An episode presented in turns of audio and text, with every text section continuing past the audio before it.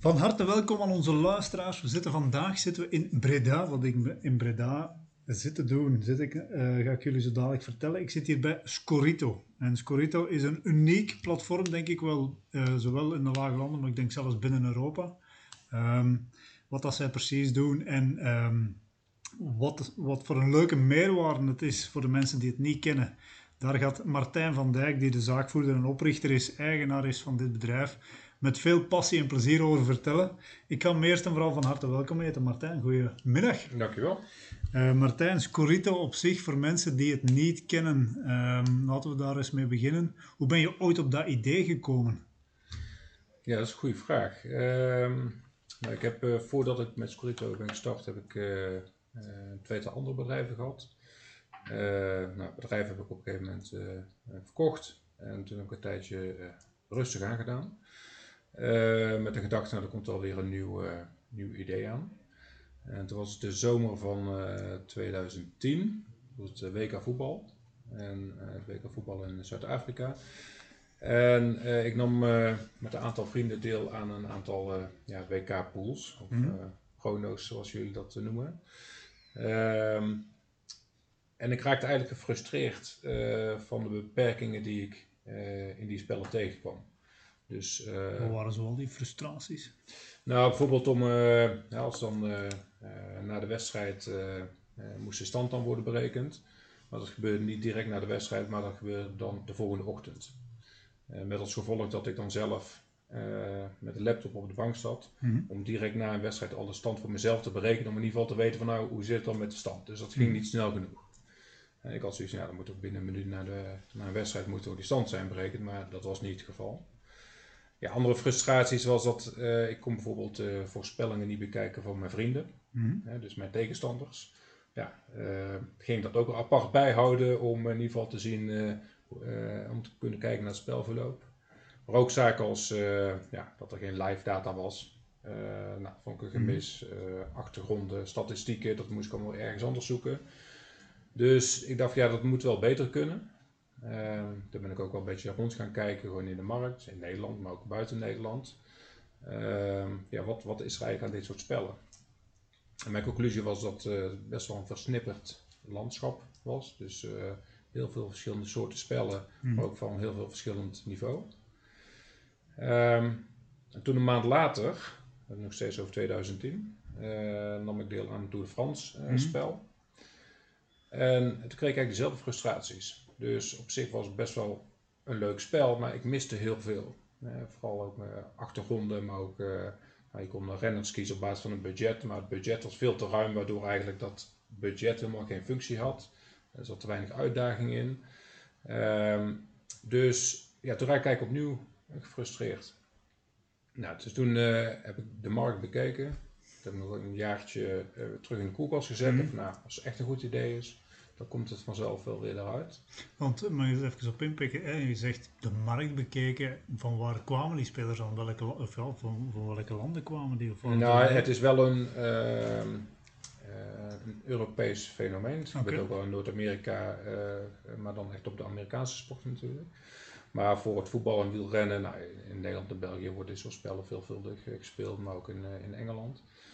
Um, maar wat je zag is dat de markt eigenlijk nog ja, niet bepaald professioneel, uh, ja, professioneel werd aangepakt. Mm -hmm. Dus uh, nou, uh, vaak zag je dat zeg maar, de, de, de ochtendkranten een spel hadden. bij jullie halen of mm -hmm. andere dagbladen in Nederland, de Telegraaf. maar ook heel veel kleine websitejes die dit soort spellen aanboden met heel veel passie, maar met weer wat minder kwaliteit. maar er was niet één platform waar meerdere sporten en meerdere spellen samenkwamen. En dat is voor mij eigenlijk wel het startpunt geweest uh, van Scorito. Okay. Uh, dus ik wilde gewoon één platform maken met uh, meerdere sporten, meerdere spellen. Het hele jaar online en van een, ja, van een hoog niveau. Dat was het uitgangspunt. En de naam Scorito, hoe ben je daarop gekomen? Ja, um, nou ja, ik wilde per se een, een .com extensie op internet hebben. Alleen ja, voor .com ligt eigenlijk alles al vast. Dus tot aan zescijferige combinaties, alles, alles ligt vast op .com. Dus het enige wat ik uh, om een unieke naam uh, te bedenken was eigenlijk een naam te bedenken die niet bestond. Mhm. Nou, dus dan ga je nadenken over eh, sport en eh, sport en scoren en eh, eh, score dit, score dat, eh score O, score I, score A. En dan heb je vanzelf eh Scorito. Scorito. Echt volledig hetzelfde bedacht. Ja, oké, tof. En, eh, want we spreken daar, voordat effectief Scorito ontstaat, 2010, 2011, was de technologie, denk ik ook nog niet, want er zit een hele hoop, daar gaan we het straks ook wel over hebben, een hele hoop technologie achter. Ja, die stond ook nog niet op punt. Of ja, was toch minder ver geëvalueerd dan dat het nu is. Ja. Ehm, eh, want ja, je wil iets, eh, want uiteindelijk is op dat moment, en zeker nu nog, iets heel technologisch, digitaal ook. Had je, had je daar wel kaas van gegeten om dat op, op poten te zetten? Ehm, nee, helemaal niet. Ik heb eh, een achtergrond in de eh, telecommarkt. Ehm, ehm, maar dat was ook meer vanuit ja, de ondernemerskant die er lagen. Niet zozeer dat ik eh, qua telecom technisch onderlegd was. Dus ik zag eigenlijk vooral de, ja, de functionele commerciële kansen. Ehm, maar goed, om zo'n platform neer te zetten, ja, daar komt heel veel techniek bij kijken. Dus ik ben eigenlijk, eh, nadat ik het plan had uitgewerkt, direct begonnen met een eh, eigen team aan ontwikkelaars. Oké. Eh, nou, inmiddels bestaat dat team uit eh, eh, tien ontwikkelaars ja, die non-stop bezig zijn met het ontwikkelen van ons platform. Ehm, ja, dus het is een behoorlijk technische aangelegenheid. Oké. Dus twee, eh, 2012 effectief gestart. Op Ja, moment- precies. Eind 2011 eh, gestart met bouwen en in Mhm. 2012 zijn we voor het eerst online eh, Ja. gegaan. Dus op dat moment, je neemt die beslissing, je maakt er een heel businessplan rond en je begint dat te starten. Met welke sport ben je toen begonnen? Of is dat direct al enkele sporten? Nee, we zijn gelijk met meerdere sporten begonnen. Dus eh, voetbal, wielrennen en tennis. Mhm. Eh, later zijn daar eh, bijgekomen Formule 1 en, en darts. En voor al die sporten hebben we ook meerdere spellen. Ja. Dus voor voetbal hebben we, ja, we hebben een manager game, we hebben eh, ja, een ouderwetse prono voor EK's en Mhm. WK's. Eh, maar we hebben ook spellen voor Champions League en eh, buitenlandse competities. Mhm. Voor wielrennen hebben we diverse spellen. Dus ja, je kunt Scorito het hele jaar doorspelen. Eigenlijk kun je het zo zien dat in, in januari begint ons jaar eigenlijk met de Australian Open voor tennis. Mhm. Als die is afgelopen, dan beginnen eigenlijk de voorjaarsklassiekers al. Nou, als die klassiekers voorbij zijn, dan start bij onze Giro. En zo loopt het eigenlijk het hele jaar door. Eh, voetbal kun je negen maanden spelen, dus ja, je kunt Scorito eigenlijk het hele jaar door eh, kun je dat spelen. Oké. En als, als even vertrekken, want straks gaan we het echt heel specifiek over het wielrennen hebben, maar als consument zijn, als gebruiker zijn, hoe start je? Hoe, als je zegt, ik, heb nou- ik, ik vind dat wel interessant, maar eh, hoe, hoe begin je eraan? Ja. Ehm, nou, zeg maar even, het eerstvolgende evenement wat op de rol staat is de Giro. Mhm. Giro d'Italia. Eh, het spel is gisteren toevallig eh, online gegaan. En eh, nou, je meldt je aan voor het spel. Mhm. En vervolgens heb je 2,5 week de tijd om een team samen te stellen. Ja. En zodra het evenement begint, dus in dit geval de Giro, dan sluit de deadline. Mhm. Kun je, dan moet je het met dat team ook gedurende de Giro doen. En dan tijdens de Giro kun je een team opstellen en kun je nog bepaalde strategische keuzes eh, maken. En zo is eigenlijk ieder spel eh, opgebouwd. Hè. En, eh, onze spellen zijn altijd direct gekoppeld aan werkelijke sportevenementen. Mhm. Waarbij je dus met jouw team of jouw voorspelling punten kunt verdienen op basis van die resultaten. Oké, want het is eigenlijk een combinatie tussen inderdaad een soort van, ja, echt een digitale wereld en de realiteit. Want ja, Ja. uiteindelijk die teams die je moet samenstellen, als we nu kijken naar de Giro bijvoorbeeld, ja, je, bent op, tot de dag van het evenement of de dag ervoor kan je een team samenstellen. Ja, ik neem aan als je daar op punt je renners hebt staan en in ene keer de dag op voorhand kom je eh, wordt, ja, komt er iemand te weten van ja, blessure, ziek. Kan je daar nog shiften in maken dat je zegt van oké ja, ik zeg, noem maar eens, we hebben het er net even over Richie Port gehad. Ja, de dag, op, de dag ervoor op training valt, is sleutelbeen gebroken en hij kan niet starten. Dat, dat lukt nog om dat aan te passen. Ja, nou, het scheelt een beetje per spel hoe dat, of, Mhm. en per sport hoe dat wordt eh, eh, ingevuld in het spel. Maar bijvoorbeeld bij, een, eh, bij het wielerspel, in dit geval de Giro, je selecteert van tevoren eh 20 renners. Eh, en per etappe mag je 9 renners opstellen waarmee je punten kan verdienen. Oké. En van die 9 mag je ook nog één kopman aanwijzen en daarmee krijg je dubbele punt. En eh, dus dat betekent, ehm, eh, nou, je gaat je team samenstellen op basis van het, de verschillende type etappes ook die er zijn. Mhm. dus als er veel sprintetappes erbij zitten, nou, dan moet je zorgen dat je extra sprinters hebt. Je moet natuurlijk voldoende klassementsrenners hebben, et cetera. Ehm, maar binnen die 20 renners, die staan voor jou vast. Uh, en aangezien je per etappe er 9 mag opstellen, dan mhm. zit er automatisch in dat ja, daar vallen ook renners af. Okay. Dus dat zit in jouw teamopstelling. Maar feitelijk moet je ervoor zorgen dat je eigenlijk iedere etappe 9 renners kan opstellen die punten voor jou kunnen verdienen. Ja. En dat, uh, dan moet je dus een balans maken tussen, nou, je hebt wat zeggen, 6, 7 sprinters nodig, 8 klassementsmannen. Je gaat kijken hoeveel tijdritten erin zitten. Mm -hmm. de komende Giro, nou, er zijn twee tijdritten, oké, dan moet ik toch nog een paar tijdrijders hebben om punten mee te verdienen. Uh, nou, dan heb je nog altijd de etappes hier half tussenin hangen, hè, de heuveletappes mm voor de aanvallers. Ja, dan heb je dus ook een aantal aanvallers nodig. Dus uh, nou, dan kan Mathieu van der Poel misschien uh, goed zijn voor je team. En zo ga je je team samenstellen. En dan per etappe stel je dus 9 op, waarmee je op dat moment punten verdient. En die 20 renners die je dan hebt in je, in je, in je portemonnee, om het zo maar te zeggen, of in je team. Mm -hmm. Er zit waarschijnlijk ook een budgetbeperking op, of ja. hoe zit dat? Ja, nou, dat is heel belangrijk. Dat was zeg maar een van mijn frustraties bij andere spellen, is dat uh, je eigenlijk een te ruim budget had. Dus nou ja, als je alle renners kan kiezen, mm -hmm. ja, dan is er is geen uitdaging. Ja, nee. En, en, wij, uh, nou dat zijn natuurlijk ook al onbekend, is dat wij uh, onze deelnemers heel veel uitdaging bieden. Maar dat zorgt er dus voor dat wij, het budget is eigenlijk altijd te weinig. Okay. Dus jouw ideale team kun je niet samenstellen. Dus je moet wel bepaalde renners laten vallen. En uh, je moet ook op zoek naar pareltjes binnen het spel. Je moet ook goedkope renners hebben. Uh, anders krijg je je team niet rond. Mm -hmm. dus die uitdaging, ja, daar zijn we continu op zoek. Dus wij hebben hier mensen in dienst die maar met één ding bezig zijn. Dat is het waarderen van renners. Mm -hmm. En die gaan kijken van oké, okay, hoeveel punten kan deze renner in deze Giro gaan verdienen in het spel. En daar hangt dan volgens een waarde aan vast. Dus bijvoorbeeld nu hebben we uh, als klassementsrenners hebben we Carapaz, uh, uh, Almeida en Yates. Dat zijn zeg maar de drie favorieten. Mm -hmm. En dan gaan wij kijken naar oké, okay, hoe, verschilden, hoe verschilden die tot elkaar. Nou, dan zeggen we oké, okay, Carapaz is topfavoriet, heeft het beste team.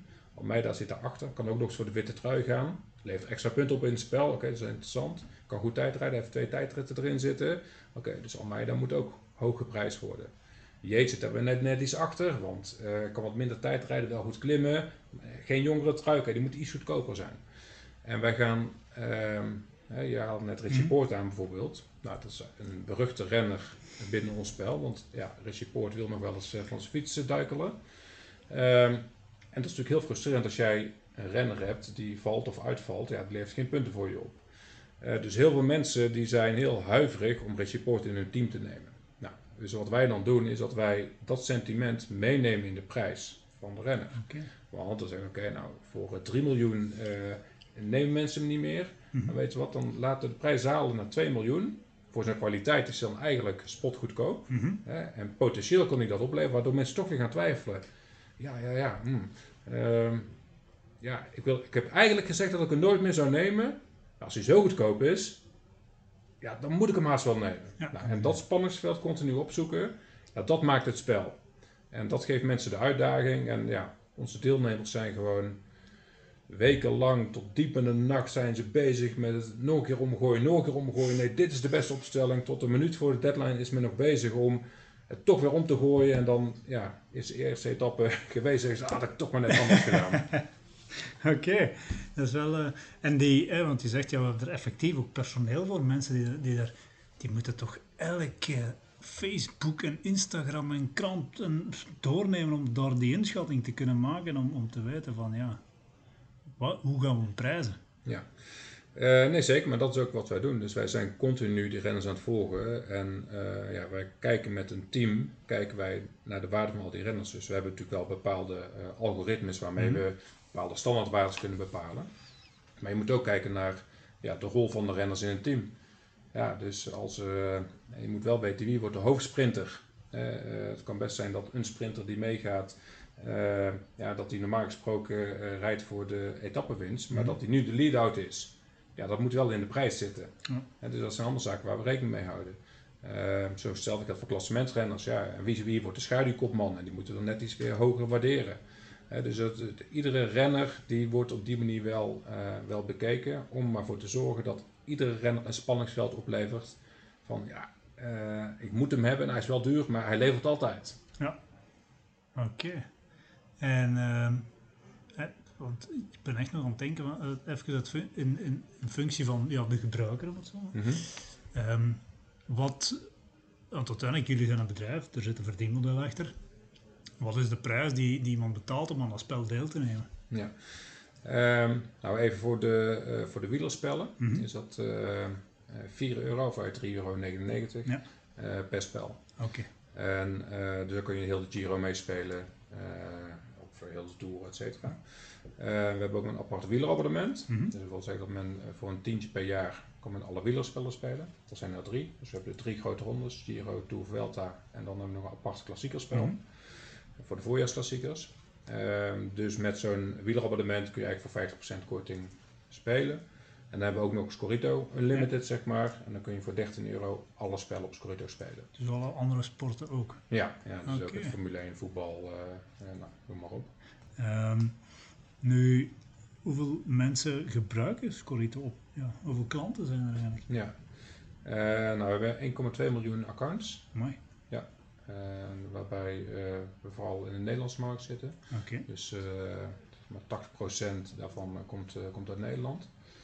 Ehm, en het verschilt per spel of per sport hoeveel Mhm. mensen daaraan deelnemen. Want 1,2 miljoen accounts wil eigenlijk zeggen, eh, we hebben eh, minimaal 1,2 miljoen mensen die ooit één spel minimaal hebben gespeeld. Eh, nou, daarbinnen heb je allerlei eh, groepen. Mhm. Er zijn mensen die spelen alleen de voetbalspellen. Eh, we hebben pure wielerfans. Maar we hebben natuurlijk ook mensen die alles spelen op Scorito. hè, Ja, waarvoor Scorito hun hobby is.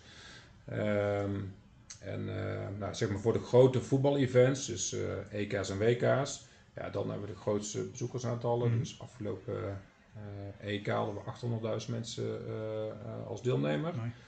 Ja, dat is echt fors. hè. Dat is soms ook voor technische uitdagingen om zoveel mensen op je platform te hebben.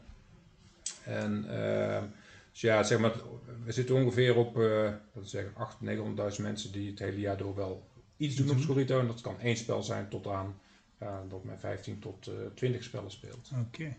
Ja, want je, sprak net over de piekmomenten. Ja, zoals je zelf zegt, ja, voetbal denk ik dat het gewoon de grootste aantal spelers meebrengt. Ja, Eh, maar evenzeer ook ja, in het wielrennen dan de Tour ja. en, en, en de Giro's en, en Giro Vuelta misschien. Zijn dat de grote... Of zit ook... een- Nee, Tour is wel eh, het grootst. Ja. Dus ehm, als je bijvoorbeeld naar het wielrennen kijkt, dan eh, eh, ik denk dat er rond de 100.000 eh, deelnemers aan een toerspel zitten. En ja, wat is ook grappig om te zien is, als je het hebt over piekmomenten, Mhm. is dat nou, we hebben zeg maar tijdens op het moment dat de etappe live is, dan Mhm. hebben we ook live data in onze app. Dus we hebben, een eigen, we hebben eigen reporters Mhm. in dienst die ja, de koers verslaan. Eh, nou, je kunt eh, de teams eh, van, je, eh, van je vrienden bekijken en vergelijken voor die, voor die etappe. Dus wat je ziet is dat mensen zeg maar, tijdens, de meeste mensen kijken de etappe op televisie, eh pakken script als tweede scherm erbij van oké, hoe had ik het ook alweer gedaan? Zit mijn, zitten mijn renners in de kopgroep, ze volgen het uh, liveverslag. En vervolgens, naarmate de finish dichterbij komt, ja, dan zien wij ook de bezoekers steeds meer toenemen. En zodra de etappe klaar is, ja, dan willen die 100.000 mensen willen hun score zien. En wat ik daar straks al aangaf, mijn grootste frustra- of een van mijn grootste frustraties tien jaar geleden was eh, dat het heel lang duurde voordat de ranking werd berekend. Ja. En ja, je wil, eh, hè, je, hebt, je hebt tijd gestoken in je team, hè, je bent allemaal live aan het volgen, ja, dan wil je ook gelijk weten hoeveel punten het jou oplevert en hoe hoog jij bent gestegen ten opzichte van je vrienden. Uh, dus wij hebben hier intern ook als doel om uh, binnen één minuut nadat een wedstrijd of een etappe is Mhm. afgelopen, dat we uh, de ranking volledig hebben berekend. Dat is best wel een uitdaging. Want Dat dat is te zeggen, dat is inderdaad... eh, ja, want het is een zwaar rekenproces, zeg maar eh, technisch gezien. hm? Maar het is ook nog eens op het drukste moment. Want al die mensen die komen tegelijkertijd naar het platform en die gaan drukken op de knop van waar blijft die ranking. dus dat is eigenlijk dubbel, dubbel spannend en altijd wel weer een uitdaging uh, aan deze kant. Uh, om dat dan ook goed uit te leveren. Hè, want eh, bijvoorbeeld ook, ja, ik, dat is een stuk geautomatiseerd veronderstel ik. Mm -hmm. Maar langs de andere kant moet er toch, ik denk nu aan het voetbal, maar het wielrennen valt nog mee, want dat is meestal gedaan rond hoe laat gaat dat zijn? Vijf uur gemiddeld, Mhm. s'avonds. Dat zijn dan normale werkuren. Maar een voetbalwedstrijd, WK, eh, ergens in, eh, ja, in, in, in Azië, dat is een kot in de nacht. Ja. Dan moet Nou, ehm, het meeste is geautomatiseerd. Dus eh, dat wil zeggen dat wij, zeg maar, wij krijgen de data, de sportdata binnen. Mhm. Voor sommige sporten houden die data zelf bij. Dus voor wielrennen doen we dat zelf, omdat we denken dat we dat zelf als Mhm. beste kunnen.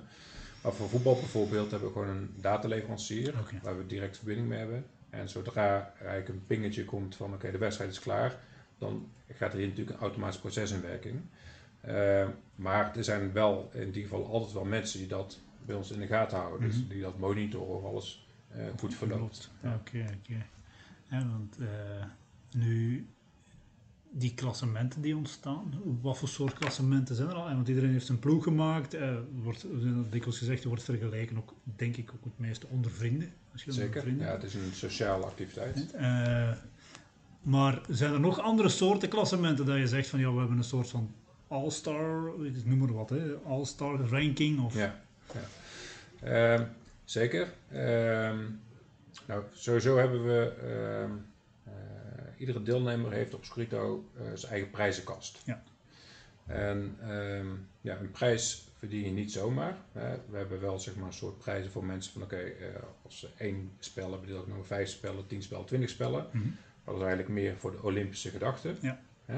Het is leuk om mee te doen, maar Ja. uiteindelijk speel je daar niet voor. Het belangrijkste eigenlijk wat je op Scrito kunt bereiken is eh, het verdienen van bekers. Dat kan een gouden beker, een zilveren beker of een bronzen beker zijn. Maar voor een gouden beker moet jij beter zijn dan 99% van alle deelnemers. Dus bij de top 1%. Ja. Nou, dat is natuurlijk heel lastig. Hè? Want als eh ja, er spelen 100 mensen mee, dan moet je nummer 1 worden. In dat geval. Ehm, dus een gouden beker is echt een enorme prestatie. Nou, een zilveren beker moet je eh, beter scoren dan 96%, eh, zeg, nee, 98, 97%. En een bronzen beker moet je, moet je beter scoren dan 95% van alle deelnemers. Nou, om dat te bereiken moet je echt wel een goede score inzetten. Eh, mensen die zo'n beker verdienen, nou, die, die wordt in de prijskast eh, gezet, Mhm. in de virtuele prijzenkast. Als jij naar die deelnemer gaat in de app, dan zie je ook zijn prijzenkast. Dus mensen kunnen ook laten zien, ja, kijk eens, Kijk, zoveel verdiend. bekers heb ik verdiend. Heb je een gouden beker verdiend, dan wordt het zelfs voor altijd in de ranking, staat er een goud bekertje naast je naam. Mhm. Heb je meerdere gouden bekers, staat er ook het aantal achter. En dat lijkt heel kinderachtig misschien. Denk je, Ja, wat kun je nou winnen? Ja, een, een, een virtueel bekertje. Mhm.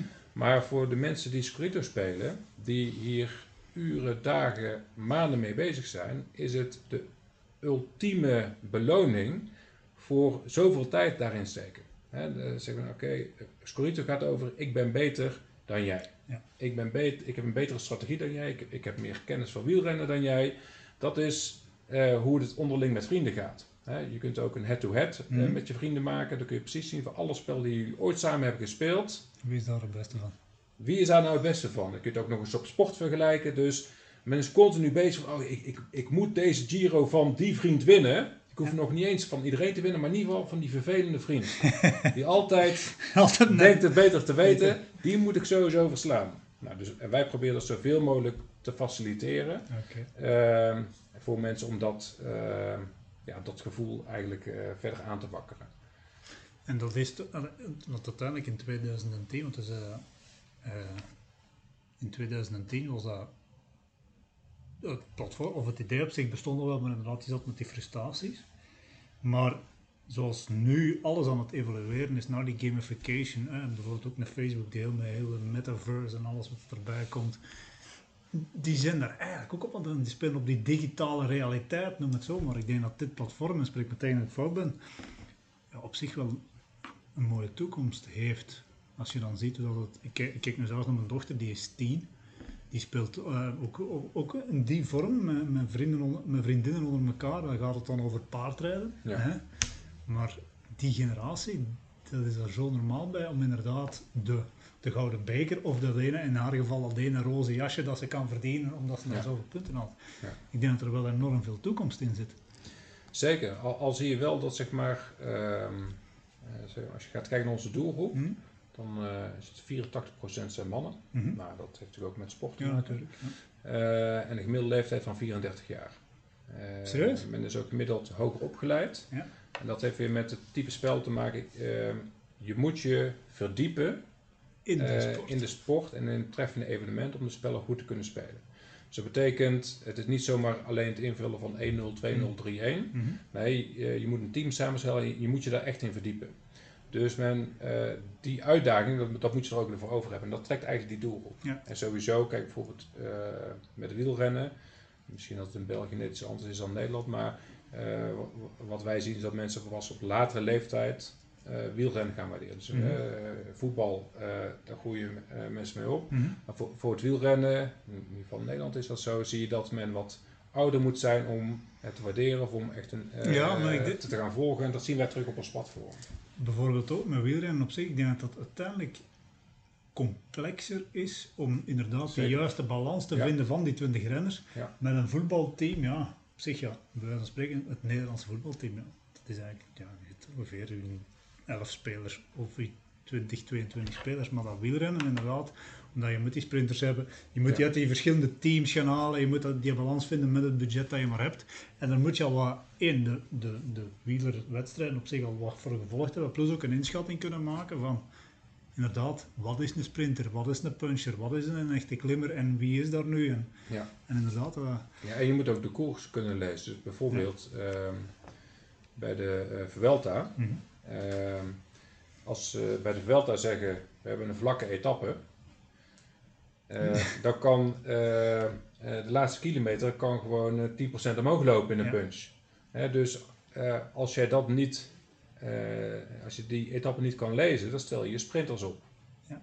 Terwijl, ja, nee, die etappe is wel vlak, maar de laatste eh, 500 of 800 meter niet. Dus je moet je punchers of klassementsmannen opstellen. En dat maakt zeg maar, ook Mhm. het spel. Dus je, je, het- je moet je vooraf verdiepen, maar ook nog eens per etappe verdiepen. Dus er zit, zeker bij het wielrennen, zit daar heel veel in. Ehm, en ja, je ziet ook dat onze eh, deelnemers aan de wielerspelen, dat zijn gewoon de meest fanatieken. Die, Ja. die zijn gewoon, eh, ja, eh, gewoon helemaal gek van het spel. Want ja, een Spaanse vlakke etappe, dat is iets totaal anders dan een Tour de France vlakke Ja. etappe. Want in Spanje er is bijna niets vlak. Dus Nee. inderdaad, dat is, je moet inderdaad weten van oké, hoe, zit de, hoe, is- hoe, hoe is inderdaad de Vuelta ten opzichte van de Tour? En, Nu, eh, de, het, zijn daar eigenlijk, los van, los van echte digitale bekers, zijn er nog andere zaken mee te verdienen? Of zijn er, zit er nog een andere, een, re- een realistische, een, ja, een prijzenkast in die, ja, moet ik dat zeggen, realiteit is? Of is dat allemaal digitaal? Nee, eh, wat wij zelf doen, Mhm. dat is allemaal inderdaad digitaal.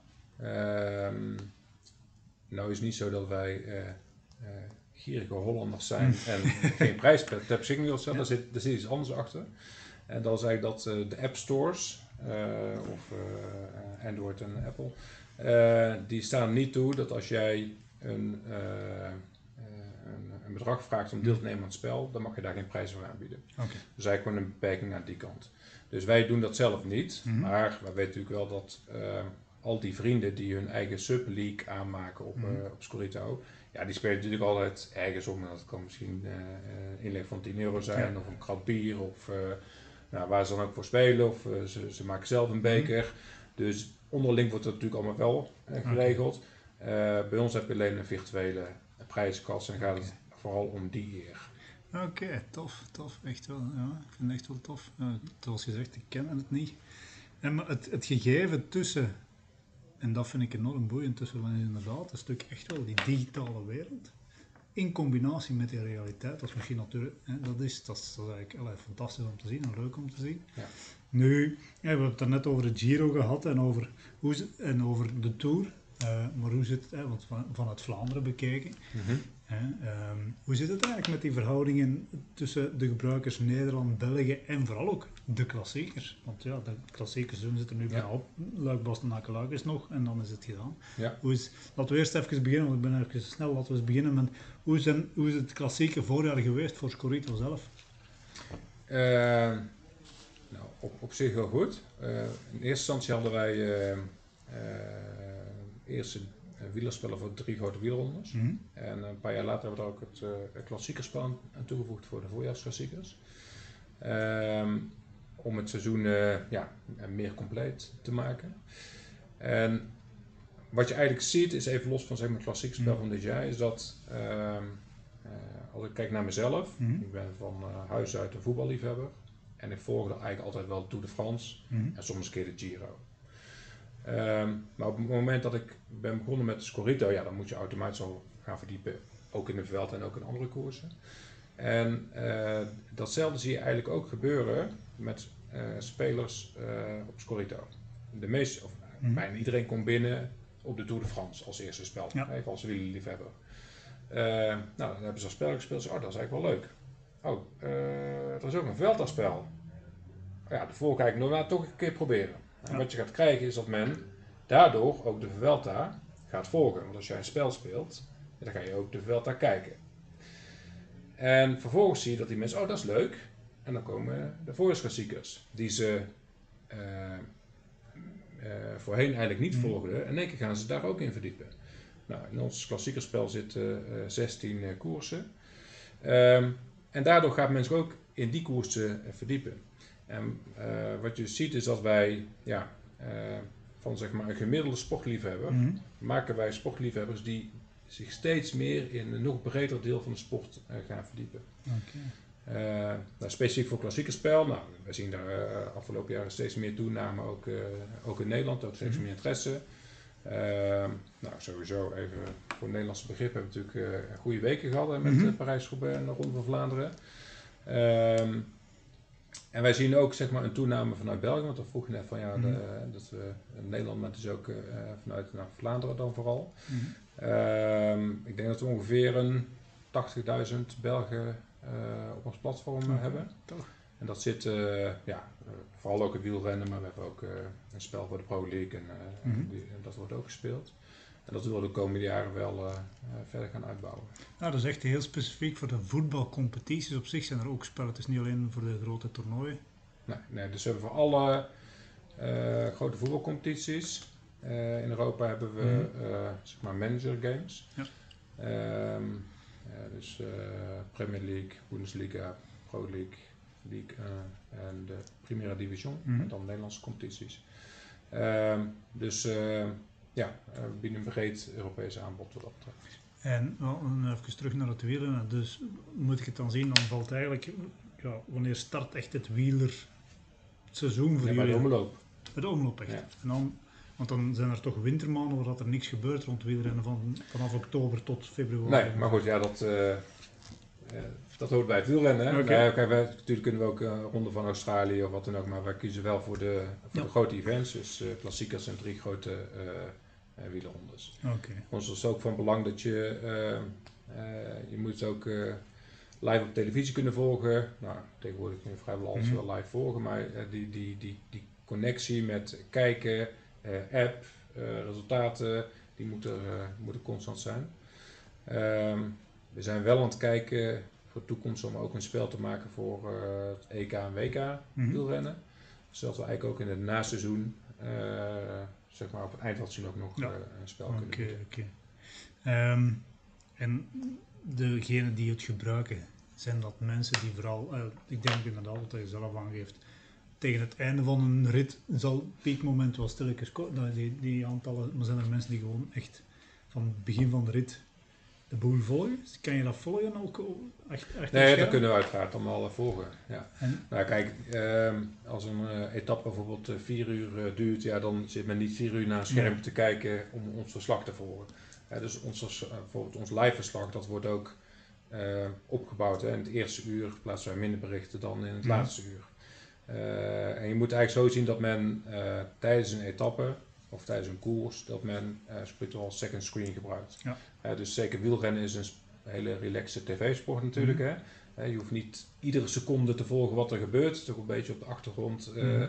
eh, half kijken, een beetje eh, horen wat er wordt eh, eh, eh, gezegd over de koers. eh, een beetje op je telefoon zitten, misschien af en toe Mhm. even in slaap vallen. En, eh, Ja. dus het is een rela relaxe manier van televisie kijken. En zo, Sc- zo moet je Screwdriver ook zien. Dus het wordt gebruikt als eh, second screen. En af en toe lees je nog even het verslag door. Oh ja, wie had ik ook weer in mijn team? Hadden mijn vrienden even appen met mijn vrienden. Hé, hey, uh, Richie Poort is weer uitgevallen. Hè? Eh, je bent weer een kwijt. Ja, zo moet je het totaal eh, zien. Oké. Oké, op die manier. Ik vind het allee, enorm boeiend. Ehm, nu, zoals, dan gaan we stilletjes dan afronden. We, eh, we zitten nu dicht bij de Giro.